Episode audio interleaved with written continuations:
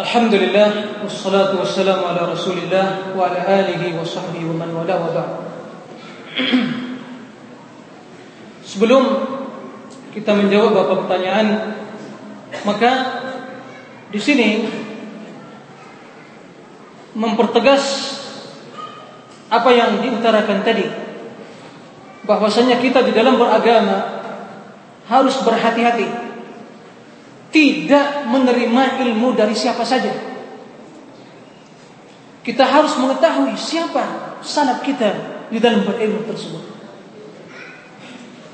Dan siapa ulama yang harus kita ikuti? Karena sebagaimana yang kita jelaskan tadi ulama itu terbagi dua.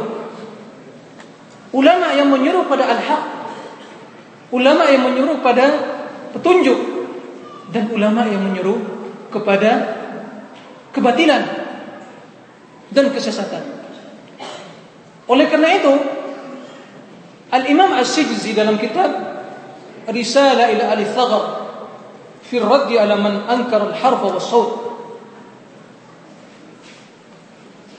yang hidup di pertengahan abad keempat atau abad kelima pertengahan karena beliau meninggal tahun 400-an 450-an. Itu menjelaskan pada kita siapa itu imam yang menyeru kepada al-haq yang wajib kita ikuti. Siapa mereka? Kata beliau, fa'immatul haq Imam al-haq yang menyuruh pada kebenaran itu adalah هم متبعون هم المتبعون لكتاب ربهم سبحانه.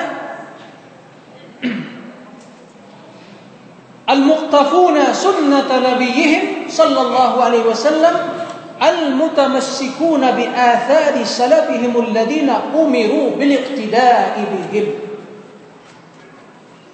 Ini kalau ingin tahu siapa itu ulama yang sebenarnya yang dalam hadis Rasul menjelaskan Sesungguhnya Allah tidaklah mencabut al ulama warathul anbiya. Siapa ulama yang pewaris para nabi? Agar kita mengikutinya. Mereka yang mengikuti Al-Quran dan yang mengikuti sunnah dan yang berpegang teguh dengan manhaj salaf mereka. Jalan salafus soleh yang diperintahkan mereka untuk meneladaninya. Ini Imam Ahli Sunnah, Imam As-Sijzi menjelaskan pada kita sebelum lahir orang-orang yang di zaman sekarang ini yang mengatakan tidak ada madhab salaf Ya. Sebelum datang atau lahir orang-orang yang mengatakan ulama sejagat menghujat salaf atau dengan istilah salafi. Nah, ini Imam Al-Sunnah. Oleh karena itu, beliau menambahkan begitu juga barang siapa wakana akhdhuhu jadi seorang yang mempelajari ilmu tersebut akhdhuhu iyyaha mimman ulima taqaddumuhu fiha wa kaunuhu muttabi'an lis-salaf mujaniban lil bid'ah hukima bi imamatihi yu'khadha min anhu wa yurja'a ilaihi wa yu'tamadu alaihi. Oleh karena itu, barang siapa yang mengambil, mempelajari ilmu tersebut Al-Quran dan Sunnah, ilmu fikih, ilmu hadis, karena inilah keilmuan orang-orang yang mengikuti madhabus salaf. Mereka ilmunya Al-Quran, Sunnah, Al-Hadis, dan yang berkaitan dengan memahami ilmu-ilmu agama tersebut. Bukan ilmu kalam, bukan ilmu filsafat, bukan ilmu-ilmu tasawuf yang nyeleneh dan aneh menyimpang dari ajaran Rasulullah, bukan itu ilmu mereka. Ilmu mereka Al-Quran dan Sunnah dan fiqh dan memahaminya sesuai dengan apa dipahami oleh salafus saleh. Kata beliau, barang siapa yang mengambil ilmu tersebut dari orang-orang yang telah diketahui keahliannya dalam ilmu itu, yang telah mendahului dia, dan dia itu mengikuti salaf. Siapa salaf?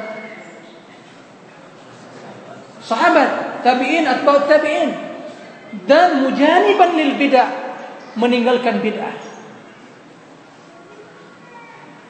Itu hukima bi imanatihi maka dihukumi dia itu sebagai apa? Imam di dalam agama ini. Ulama dan berhak untuk dijadikan apa? Kita berguru padanya diambil ilmunya dan untuk kembali kepadanya dan berpegang pada ilmunya ini Enggak sembarang orang kita menuntut ilmu. Jangan terpikau, jangan terkesima dengan indah dan perkataannya. Atau mungkin dalam majlis zikirnya, nangisnya, Masya Allah. Bukan itu standar kebenaran. Sebab ada mata-mata yang menangis apa? Terapa? Kena lingkungan dan kondisi yang menangis semua, maka ikut menangis.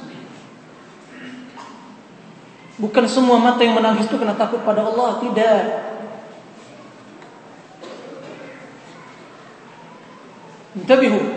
Jadi jangan terkesima dengan penampilan. Besar surbannya, jubahnya, tasbihnya, banyak zikirnya. Bukan itu standar keilmuan dan keimaman seseorang. Standarnya mempelajari Al-Quran dan Sunnah, mengikuti mahabus salaf, kemudian meninggalkan bid'ah dan memperingatkan umat dari hal itu. Bukan membuat bid'ah-bid'ah, bukan mempelopori bid'ah, bukan gemar melakukan bid'ah. Itu bukan ulama yang pantas untuk diapa? diambil ilmu. Apalagi kalau merekomendasikan bid'ah dan kebohongan. Yang aneh bermacam gelar akademis yang disandang profesor dokter rumah tapi ternyata yang direkomendasikan apa? Kebatilan kebohongan. Ini kan aneh. Bukan itu. Bukan gelar akademisi. Bukan kedudukan dalam suatu yayasan lembaga. Tidak. Itu nggak ada nilainya di Allah Subhanahu wa taala. Yang standar kebenaran adalah ittiba'ul haq ittiba'ul Quran was sunnah dan mengikuti ulama salaf dan ini yang diikuti oleh seluruh ulama ahli sunnah wal jamaah dalam berilmu dan beramal. Ini sepakatan, mereka. Adapun ahlul bidah, ulama-ulama yang menyeru kepada kebatilan itu, itu semuanya mereka menyimpang dari mana tersebut. Maka kata beliau, Fa'immatud dolal dan imam ulama-ulama yang sesat itu siapa? Fal musyrikun orang-orang musyrikun, al mudda'una rububiyah yang mendakwakan rububiyah Fir'aun dan yang lain-lainnya, al munafiqun dan orang-orang munafik yang berwajah dua. Menggunting kain dalam lipatan. Menggunakan kesempatan dalam kesempitan dia pertampilannya ke muslimin begini tapi belakang mau apa merekomendasikan begini-begini. Bahkan dia mengatakan juga mereka Syiah Sunnah itu sama saja tidak ada perbedaan. Subhanallah. Nah, itu ditokohkan oleh masyarakat. Nah, kata mereka, siapa mereka itu? Thumma kullu man ahdatha fi Islam hadathan. Kemudian setiap orang yang membuat perkara-perkara yang baru bid'ah dalam Islam. Wa assasa bi khilafil tariqan dan membuat metode beragama yang menyelisih hadis. Kalau dia memahami sunnah hadis bukan pada Al-Quran kembali tapi pada pemahaman dia, nafsu dia dan juga perasaan dia, mimpinya mungkin lihat mimpi atau ilhamnya malam hari tidur bermimpi, oh iya saya melihat Rasulullah begini menyuruhkan saya begini begini. Seperti Imam siapa namanya itu Ibnu Arabi, pengarang kitab apa? Al-Futwa Islamiyah yang dihukumi oleh ulama ahli sunnah sebagai zindiq. Itu mengatakan khusus hikam itu saya tulis setelah suatu malam tidur melihat Rasulullah ya Ibnu Arabi ambillah kitab ini tebarkan ini kepada manusia. Makanya bangun-bangun pagi saya menulis kitab dan fususul hikam dan semoga umat ini mengikuti kitab ini. Padahal di dalamnya kesindikan itihad mengatakan Allah menyatu dengan makhluk. Bahkan dia mengatakan tidak tahu saya saya saya ini Tuhan atau dia saya atau saya dia. Siapa yang beribadah? Saya dibadati, saya beribadah. Sampai begitu. Dan itu dikatakan ditukukan oleh orang-orang sampai mengatakan Imam Ibnu Arabi. Subhanallah, Imam perkataannya yang zindiq. Al-Imam Al-Biqai salah seorang ulama Syafi'iyah mengarang kitab tentang mengumpulkan perkataan-perkataan ulama ahli sunnah yang hidup di zamannya dan setelahnya tentang para Ibnu Arabi. Karena perkataan yang menyimpang dari agama. Kezindikan sehingga kata Imam Al-Dhahabi dalam kitab Tarikhul Islam menjelaskan kalau apa yang ada dalam kitab khususul hikam tentang perkataan yang ilhad ittihad, wahdatul wujud dan hulul itu bukan suatu kekufuran kezindikan, maka tidak ada lagi namanya kekufuran kezindikan di dunia ini kata Imam Zahabi seperti itu. Nah. Kemudian waradda umur al-mu'taqadat ila wal aqliyat. Mereka mengembalikan permasalahan akidah ini kepada akal, akal-akalan beragama seperti alul kalam, orang-orang filsafat Main akal-akalan saja beragama ini. Makanya menjadi standar mereka beragama apa? Al-aqlu. Apabila bertentangan akal dengan nakal, dengan dalil, maka mereka depankan apa? Akal. Dalil harus mengikuti akal. Ahli sunnah, an-naqlu. Kemudian dipahami dengan akal yang sehat. Mereka membaca Al-Quran dan sunnah, kemudian dipahami dengan akal yang sehat kemudian baru menyimpulkan permasalahan. Berdasarkan ayat ini, hadis ini, ini hukumnya. Ini prinsip dasarnya. Ahlul bidah wal ahwa itu mereka ini akal yang begini begini begini menurut akal mereka kemudian berusaha mencari-cari dalil dalam Al-Qur'an dan Sunnah. Bukan karena mereka meyakini Quran Sunnah itu hujah tidak, tapi kemungkinan ada dalil-dalil yang bisa menguatkan, memperkuatkan apa? pernyataan dan akidah mereka. Bukan mereka meyakini Al-Quran suatu dalil qat'i tidak. Ini perbedaan di antara perbedaan sunnah dengan al-bidah wal. Nah, mereka dalam berakidah itu main akal-akalan. Kemudian, walam yu'rab syuyukhuhu bittiba'il athar. Tidak dikenal sama sekali syekh-syekhnya, imam-imamnya mengikuti athar itu sunnah. Tidak dikenal. Bahkan dikenal dengan pelaku bid'ah. Menyuruh pada acara-acara bid'ah, tawasul-tawasul yang bid'ah, tabaruk-tabaruk yang syirik dan syafaat-syafaat yang bermacam-macam. Ya. Pemuja-pemuja kuburan. Gemar-gemar menziarahi kubur-kuburan wali kata mereka. Ya.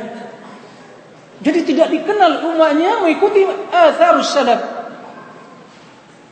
Walam ya'khudh sunnah an ahliha Au akhadha anhum thumma khalaqahum. Dan mereka tidak mengambil sunnah ini dari ahlinya. Mereka mengamalkan ahli sunnah wal jamaah. Tapi gurunya tempat mengambil sunnahnya apa? Ahli bidah wal ahwa. Yang dikenal dengan permusuhannya kepada ahli sunnah. Apakah ini ahli sunnah wal jamaah?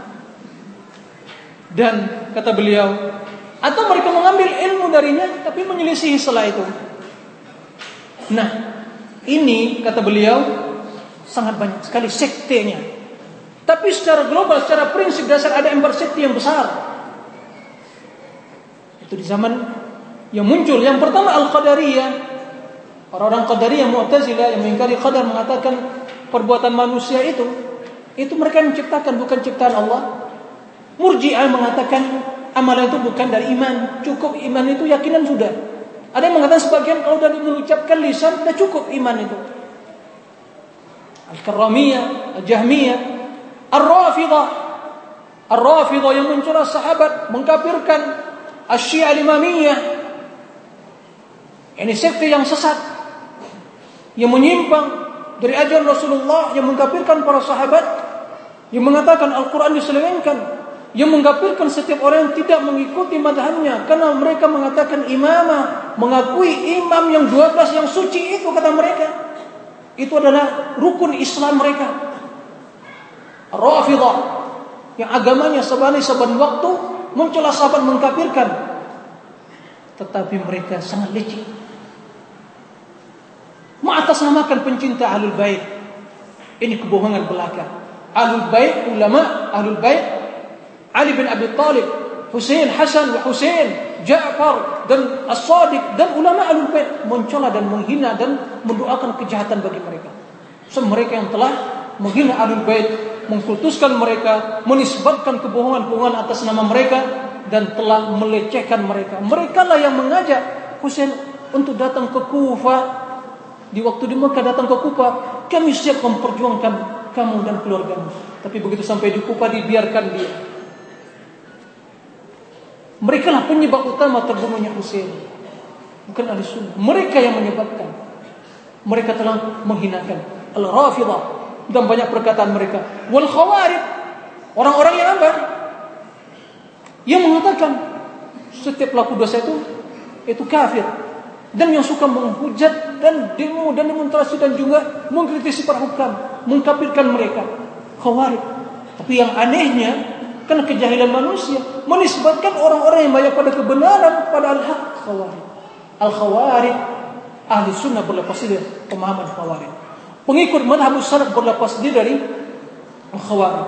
Pengikut dakwah Syekh Muhammad bin Abdul Wahab itu berlepas diri dari khawarij.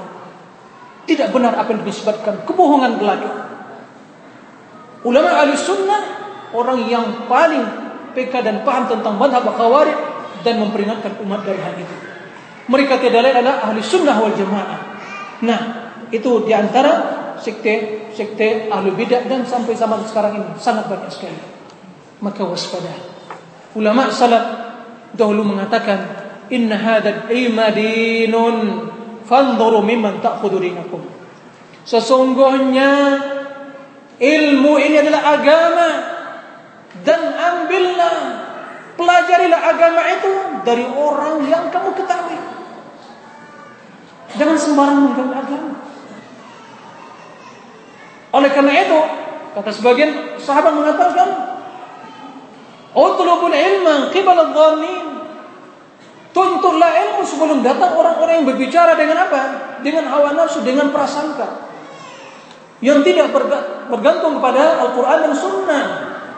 Dan ini disebutkan oleh Imam Al-Bukhari dalam kitabnya Kitabul Ilmi dan disebutkan oleh uh, Al-Imam An-Nawawi dalam kitab Majmu' Syarah Muhadzab dan beliau menjelaskan apa yang maksud kibal dhanin yaitu sebelum datang orang-orang yang berbicara tentang agama tanpa ada dalil dari syariat. Hawa nafsu omongan belakang atau pandai memanipulasi data, dalil, memutar balik. Seperti itu. Oleh karena itu, ikhwatan iman, waspada, berhati-hatilah. Sesungguhnya apa yang kita ikuti sekarang ini dan Allah telah memuliakan kita untuk menjadi ahli sunnah wal jamaah, mengikuti manhajus salafus salih. Itu nikmat tapi tidak cukup dengan sekedar itu saja. Mari bersungguh-sungguh belajar. Pelajari hakikat madhab ini. Ini kebenaran yang telah Allah muliakan kita dengan mengikutinya. Mari kita kembali dari segi akidah kita, akhlak kita, bermuamalah kita, dan dalam ibadah kita, segala aspek kehidupan kita. Nah, sehingga mencerminkan betul ahli sunnah yang betul-betul menginginkan kebenaran. Oleh karena itu, apa yang diutarakan tadi hanya segelintir dari apa yang berkaitan dengan hakikat madhab ini, tapi ini sebagaimana yang diutarakan tadi bahwasanya hanya sebagai mengingatkan kita semua. Bahkan kita telah mengetahui tentang kebenaran madhab salaf. Jadi mereka bukanlah sekte, tapi adalah pola hidup. Dan inilah metoda yang benar dalam beragama. Metoda yang benar dalam beragama yaitu kembali pada Al-Quran, kembali pada Sunnah Rasulullah, kemudian memahaminya sesuai dengan apa yang dipahami oleh para salafus soleh. Oleh karena itu, Al-Imam Asy-Syafi'i rahimahullahu taala dalam sebuah perkataannya dan ini mungkin yang mengakhiri uh, pembahasan kita pada kesempatan kali ini, beliau mengatakan bahwasanya sahabat itu para sahabat dan manhaj mereka itu adalah manhaj yang mulia. Mereka generasi yang lebih mulia dari kita dalam segala hal. Apa kata beliau? wa kana ittiba'uhum aula bina min ittiba'i man ba'dahu. Dan mengikuti sahabat itu lebih utama bagi kita daripada mengikuti orang yang datang sepeninggalnya wa qala rahimahullah wa hum fawquna fi kulli ilmin wa ijtihadin wa wara'in wa aqlin wa ilmin. Dan mereka itu berada di atas kita.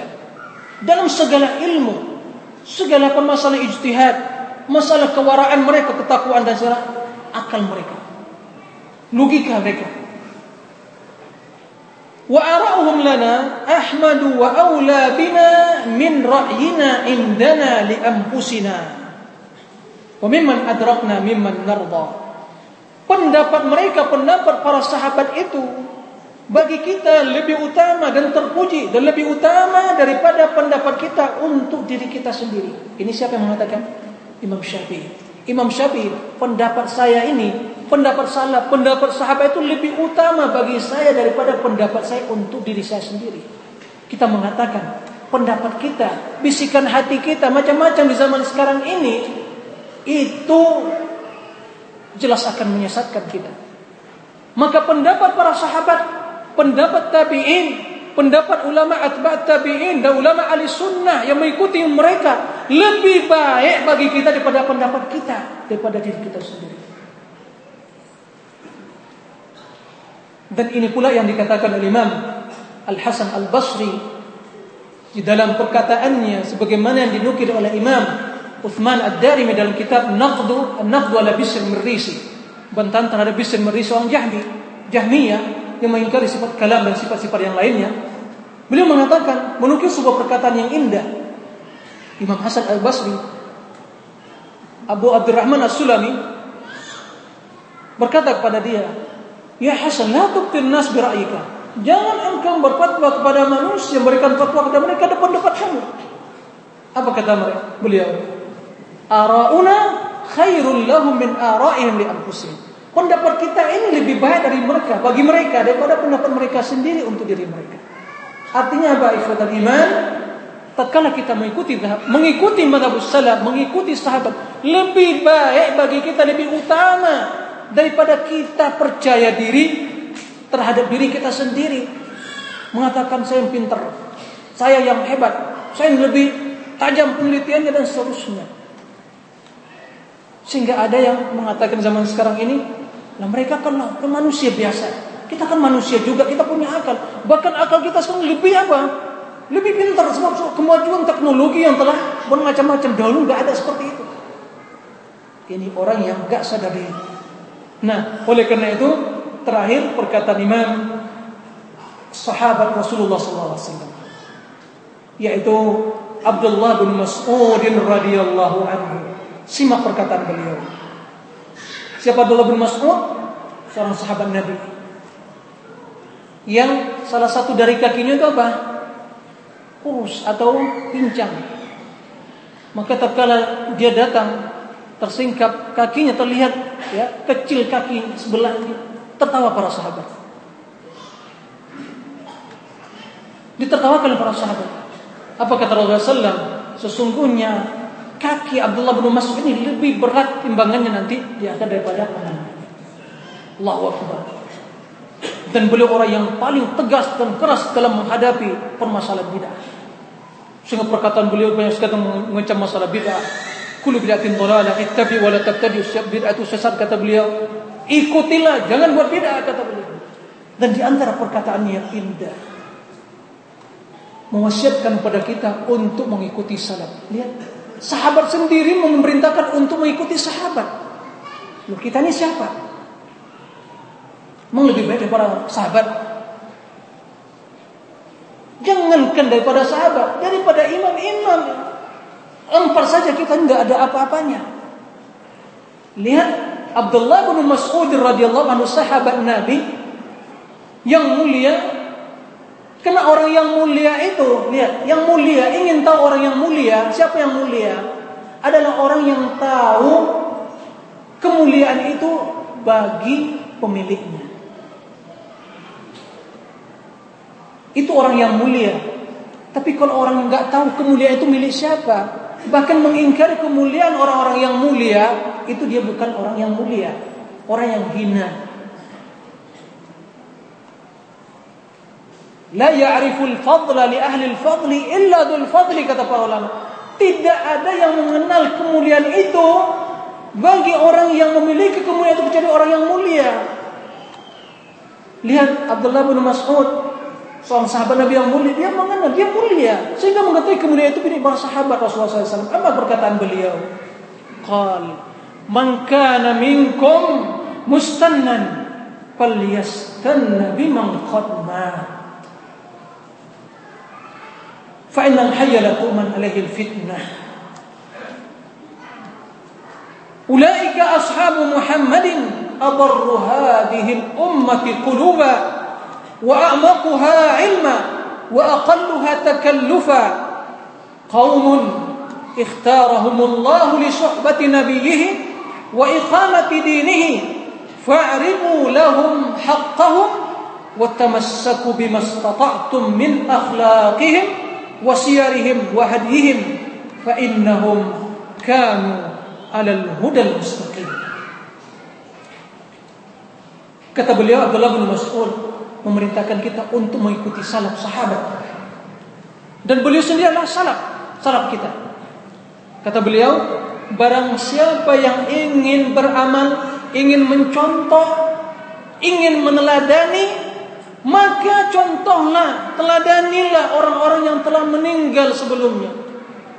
Sesungguhnya orang yang hidup ini tidak aman fitnah. Orang yang hidup yang masih hidup tidak aman fitnah. Karena hati senantiasa berubah-ubah.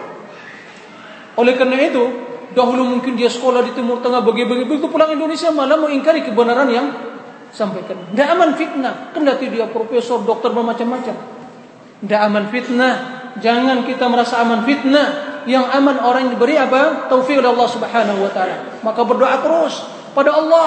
Jangan bosan ya Rabbana ya muqallibal qulub, tsabbit qulubana ala din. Orang yang hidup penuh aman fitnah.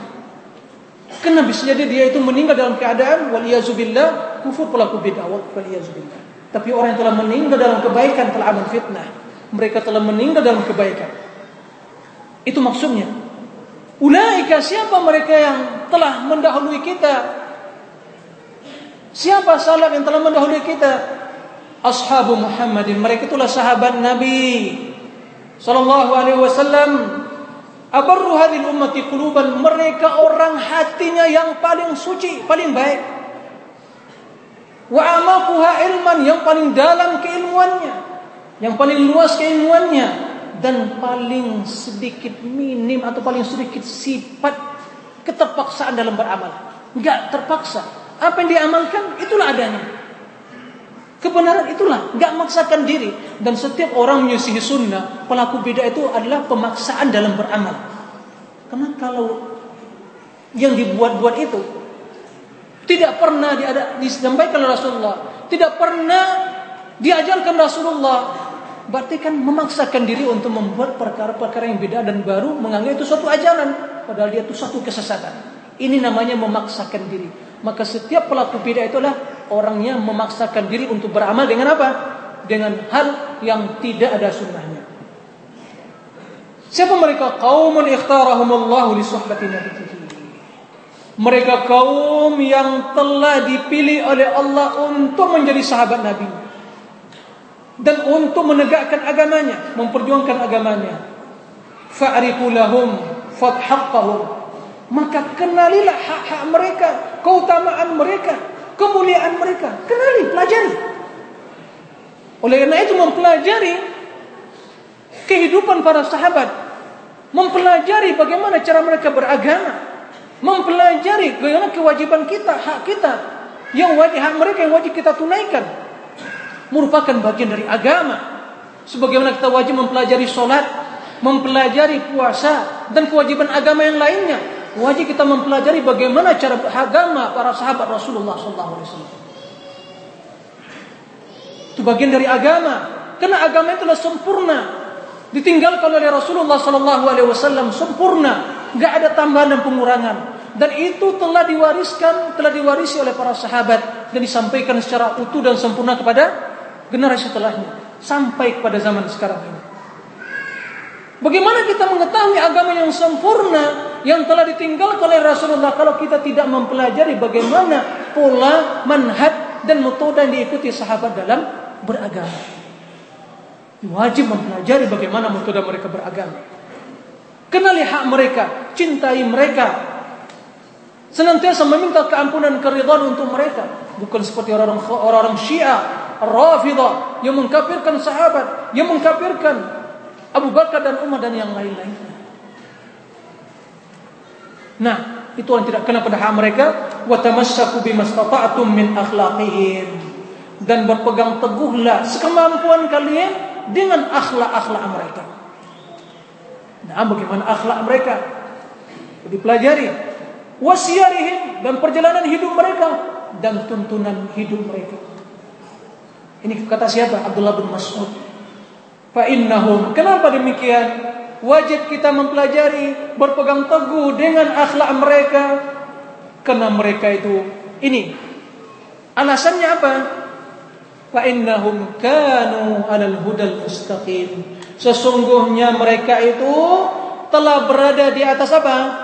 Jalan petunjuk yang lurus, jalan yang lurus. Ihdinas siratal mustaqim. Kita saban hari saban waktu apa minta kepada Allah? Ihdinas siratal mustaqim. Dalam salat kita tidak kurang dari apa? 17 kali. Siapa yang berjalan di atas siratul mustaqim? Para sahabat kanu alal hudal mustaqim dan Rasulullah SAW. Jadi berarti kita meminta dalam surah kita apa? Ya Allah, tunjuki saya kepada jalan yang lurus, jalan Rasulullah, jalan para sahabatnya dan orang-orang yang berjalan di atas jalan mereka. Ini menjelaskan pada kita kewajiban untuk mengikuti madhabus salam para sahabat Rasulullah sallallahu alaihi wasallam dan inilah sebenarnya hakikat dan permintaan kita dalam salat kita. Tapi aktsarun nasi la ya'lamun. Kebanyakan manusia tidak mengetahui hakikat ini. Semoga Allah Subhanahu wa taala menunjuki seluruh kaum muslimin untuk kembali kepada ajaran Rasulullah, mengikuti jalan para sahabat Rasulullah sallallahu alaihi wasallam, menjunjung tinggi kebenaran, memperjuangkan martabat mereka dan juga mengenal hak-hak mereka untuk senantiasa memuliakan generasi terbaik umat ini dan menyelamatkan mereka dari celaan, cercaan, penghinaan terhadap generasi terbaik umat ini. Sebab hal itu merupakan pertanda apa? Pertanda kehinaan, kesesatan seseorang tatkala dia tidak mengenal kebaikan kemuliaan generasi terbaik umat ini. Mudah-mudahan apa yang disampaikan bermanfaat bagi menyampaikan dan peringatan bagi kita seluruhnya dan juga semoga kita senantiasa berada di atas jalan para sahabat Rasulullah sallallahu alaihi wasallam sampai ajal menjemput kita. Nah, di sini ada beberapa pertanyaan yang uh, telah sampai ke meja. ya, kita berusaha menjawab. Mudah-mudahan jawabannya sesuai dengan apa yang ditanyakan. Pertama,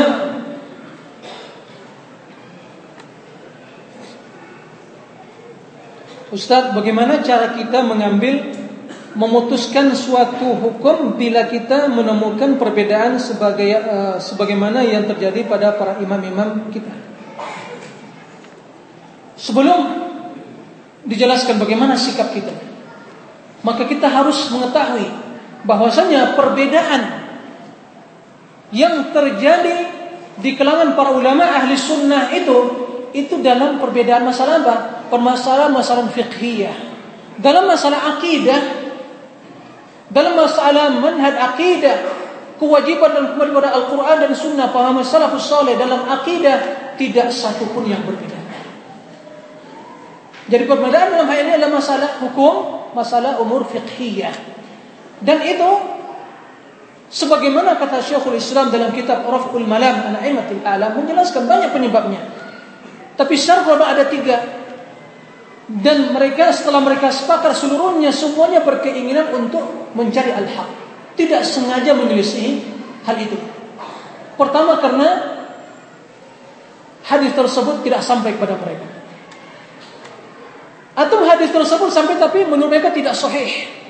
Atau hadisnya sahih tapi berbeda dalam apa? Menafsirkannya. Ini tiga secara global, tiga penyebab perbedaan para ulama tadi. Maka dalam hal seperti ini, permasalahan-permasalahan ijtihadiyah, maka seorang yang mempunyai kemampuan untuk mengkaji dan membahas permasalahan tersebut, maka dia mempelajari dengan dalil-dalil argumentasinya, kemudian memperkuat apa? Menterjih apa yang dianggap kuat sesuai dengan kaidah-kaidah ilmiah para ulama. Maka dia mengamalkan apa yang dianggap itu sebagai perkataan yang kuat. Tanpa memaksakan yang lain bila dia menganggap pendapat ulama yang lain itu lebih kuat.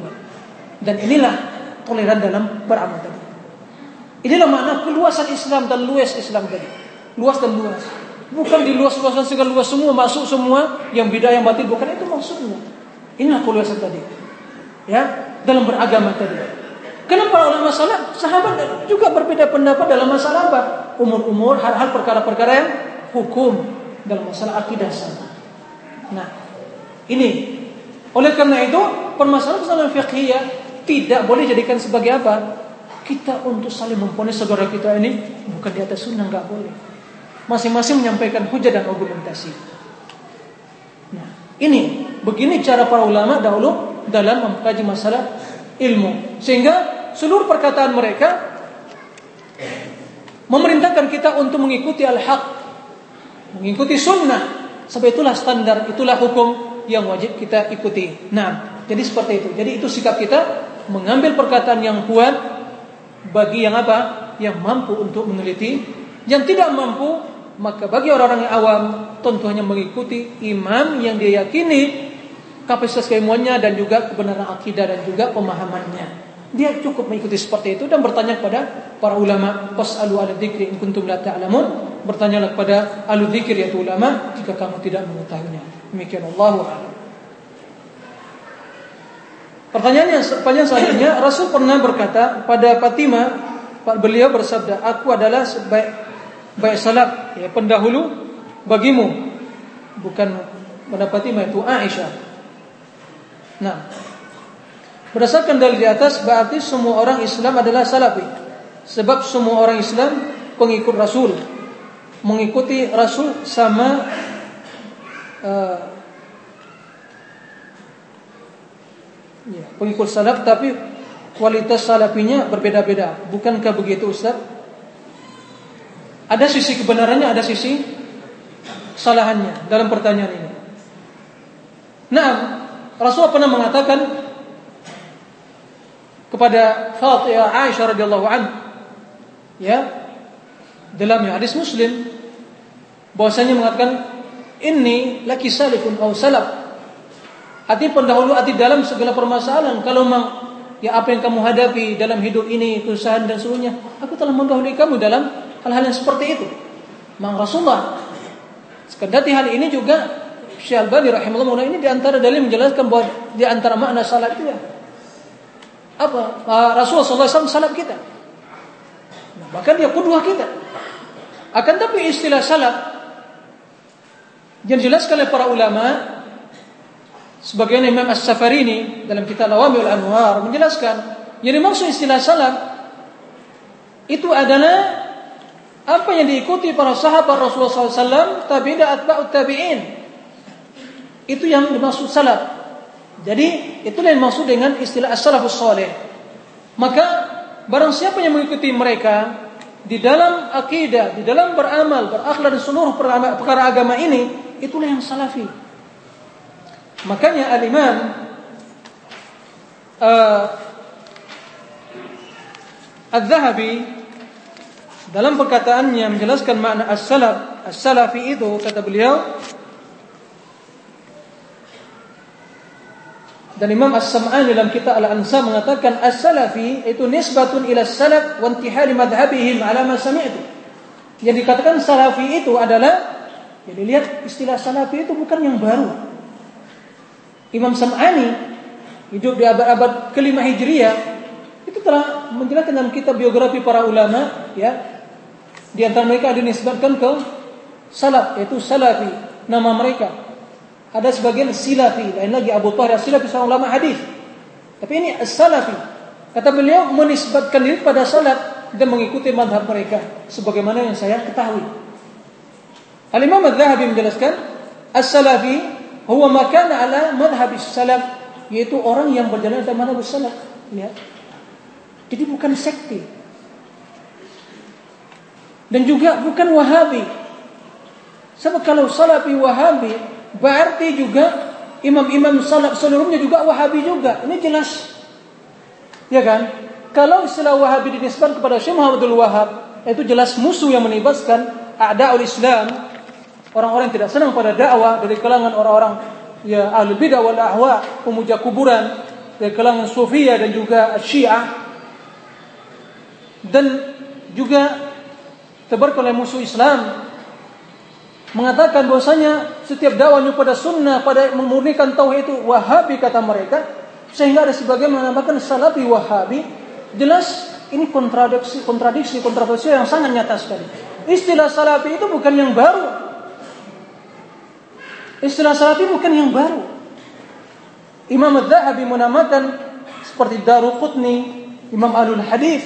Bahwa dia setelah menukil perkataan tentang celaan terhadap ahlul kalam beliau mengatakan lam yadkhul ar-rajulu abadan fi ilmi al-kalam wala al-jidal wala khadha fi dhalika bal kana salafiyan di dalam kitab Syiar Alamun Nubala halaman uh, jilid 16 halamannya lupa saya tapi dalam halaman dalam jilid 16 dalam kitab Syiar Alamun Nubala Daruqutni itu beliau sama sekali tidak pernah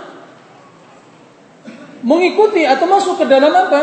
Membahas ilmu kalam, walal jidal, berjidal ya, yang dijadikan sebagai standar oleh ahlu kalam, ahlu lapis safat. Wala khadha fi. Beliau sama sekali tidak pernah masuk dalam perkara-perkara yang seperti itu. Tapi tiada lain beliau adalah balkana salafiyan. Tapi dia tiada lain kecuali salafiyan. Apa maksudnya? dia hanya mengikuti ulama salaf. Karena ulama salaf tidak pernah menjerumuskan diri mereka menyibukkan dengan ilmu kalam, ilmu filsafat itu bukan ilmu Islam. Begitu juga Al-Imam Al-Fasawi, Ya'qub bin Sufyan Al-Fasawi meninggal tahun 277 Hijriyah. Berarti abad ketiga, akhir-akhir abad ketiga meninggalnya. Imam Az-Zahabi menjelaskan tentang biografi beliau, beliau mengatakan wa ma alimtu Ya'qub al-Fasawi illa salafiyan.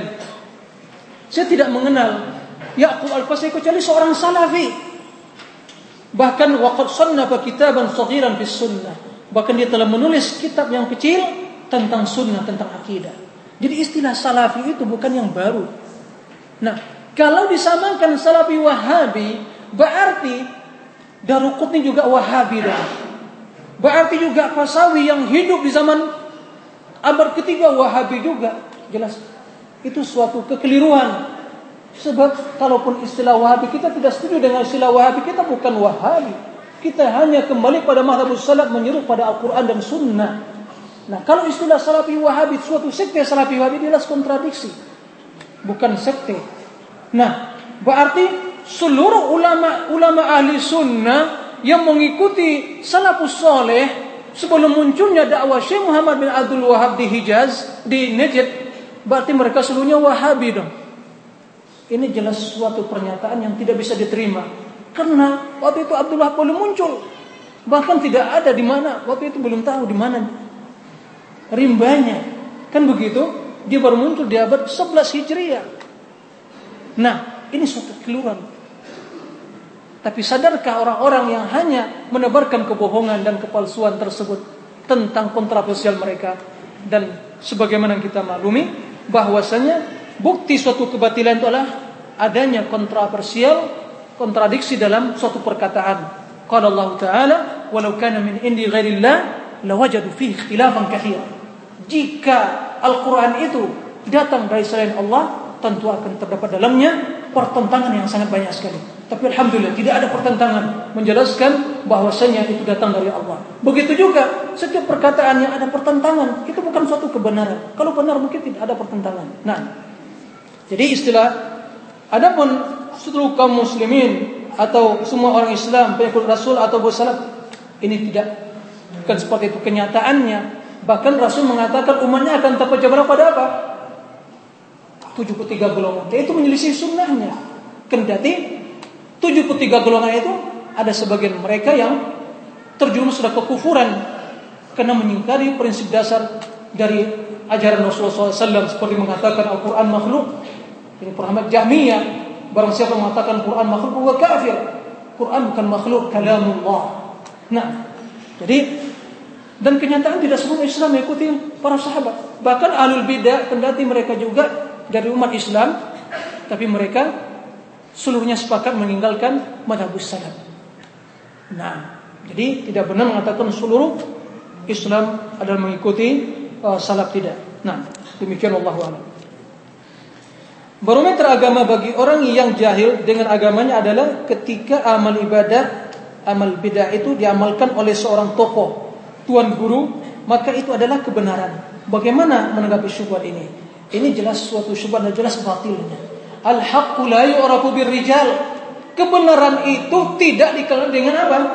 Seseorang, dengan tokoh. Nah, tidak dikenal dengan tuan guru, kiai, ustaz, habib dan juga seterusnya. Kebenaran itu al-haqqu min rabbik fala takunanna minal mumtarin. Kebenaran itu datang apa?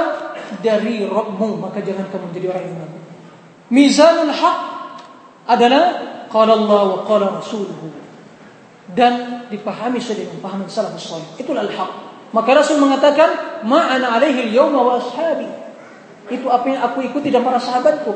Itu standar kebenaran. Bukan tokoh yang ditokohkan, kendati dia bukan tokoh, tapi ditokohkan. Nah, jadi harus dipahami al-haq tidak al-haqqu la yu'rafu rijal walakin ar-rijal yu'rafu bil haq. Kebenaran tidak dinilai dengan seseorang, tapi seseorang dinilai dengan apa? Kebenaran. Ini prinsip kita beragama.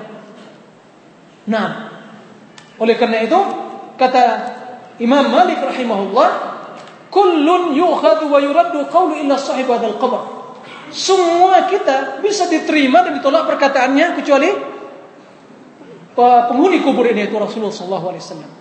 Maka makanya Imam Ahmad mengatakan, لا تقلدني ولا تقلد مالكا ولا الثوري ولا الأوزاعي ولكن خذوا من أين أخذ Jangan kamu taklid kepada saya kata Imam Ahmad.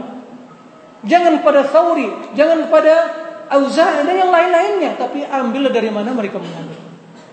Kalau saya kebenaran dikenal dengan seseorang, maka kita harus taklid pada Imam Ahmad. Kita tidak boleh taklid, tapi mengikuti. Jadi ini suatu kebatilan. Tentu ayat-ayat Al-Quran dan Sunnah yang memintakan kita untuk kembali pada kebenaran, pada sesuai Al-Quran dan Sunnah membatalkan atau uh, menjelaskan kebatilan syubhat ini. Wallahu a'lam. Apakah sama pengertian madhab dan manhaj? Madhab adalah suatu jalan yang diikuti oleh seorang dalam beragama. Madhab, pendapat. Dan manhaj ya man, manhaj bukan manhaj. Ya, manhaj itu mahajayan haji itu salah kayak selaku berjalan. Ya, secara etimologi, secara asal usul kalimatnya ya berbeda, tapi secara pengertiannya sama. Ini madhab Syafi'i. Ini madhab salaf.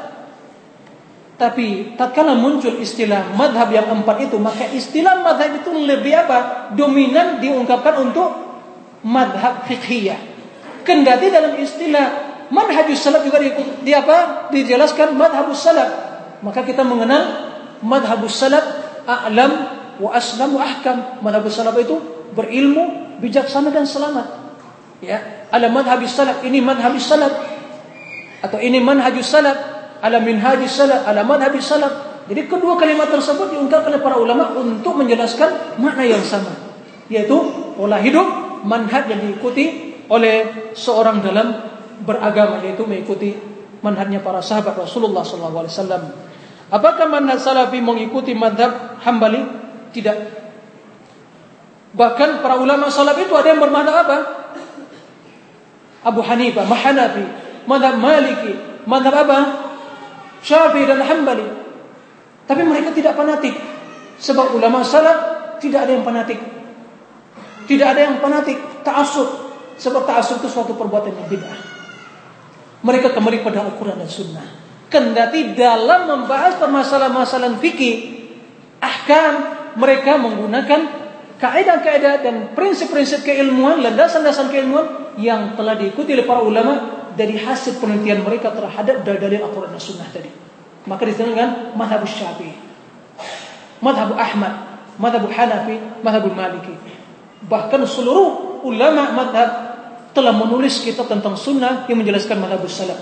Dalam kitab Tadwin Aqidatus Salafiyah dikarang oleh Syekh Abdul Salam Al-Bardis menjelaskan karangan para ulama ahli sunnah dari seluruh lapisan apa, madhab madhab Hanafi, madhab Syafi'i, madhab uh, Maliki, Syafi'i dan Hambali telah menulis tentang akidah yang sama kendati berbeda dalam redaksi dan ungkapannya tapi hakikatnya sama tidak ada perbedaan mereka dalam mengikuti madhab salaf masalah akidah.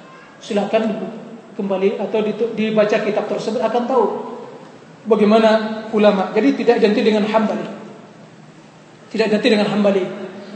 Imam Abu As-Sabuni itu Syafi'i. Imam Ibnu Kathir Syafi'i. Imam Zahabi Syafi'i. Imam Al-Lalakai punya kitab Syarh Sunnah Syafi'i, Imam Qawas Sunnah Syafi'i, إمام آه، البربة الإمام أبو بكر الأجري كتاب شريعة الشافعي. إمام جقاء نصر المقدسي كتاب الحجة على ترك المحجة الشافعي.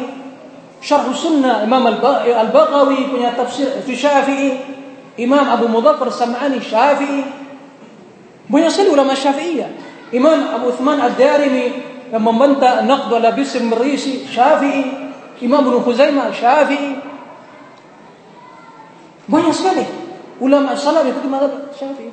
Dan juga madhab Hambali banyak sekali dan Maliki yang lainnya. Jadi tidak identik dengan apa? Dengan apa? Hah? Dengan Hambali. Jadi bahkan Imam Syafi'i apa? Salafi. Karena dia mengikuti salaf.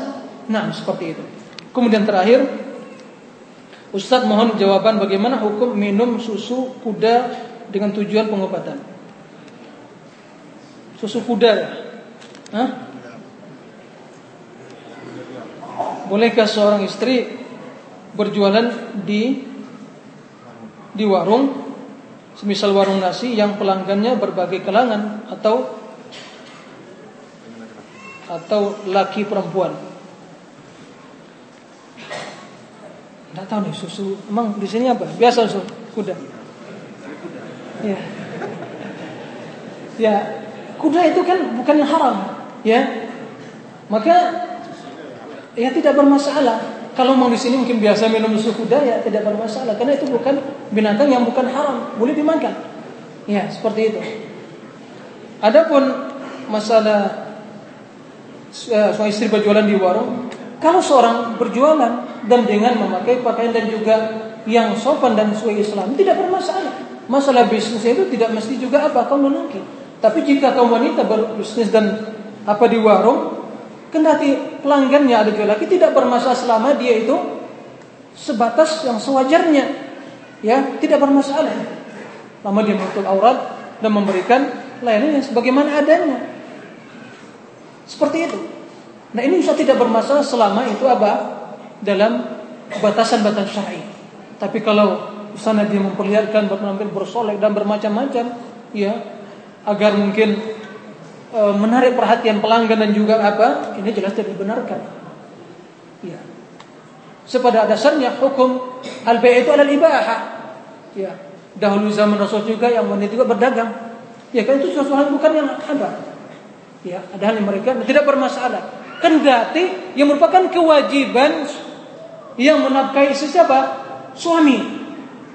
Ya, suami yang berkewajiban. Tapi dalam kondisi mungkin sangat membutuhkan sesuatu yang darurat.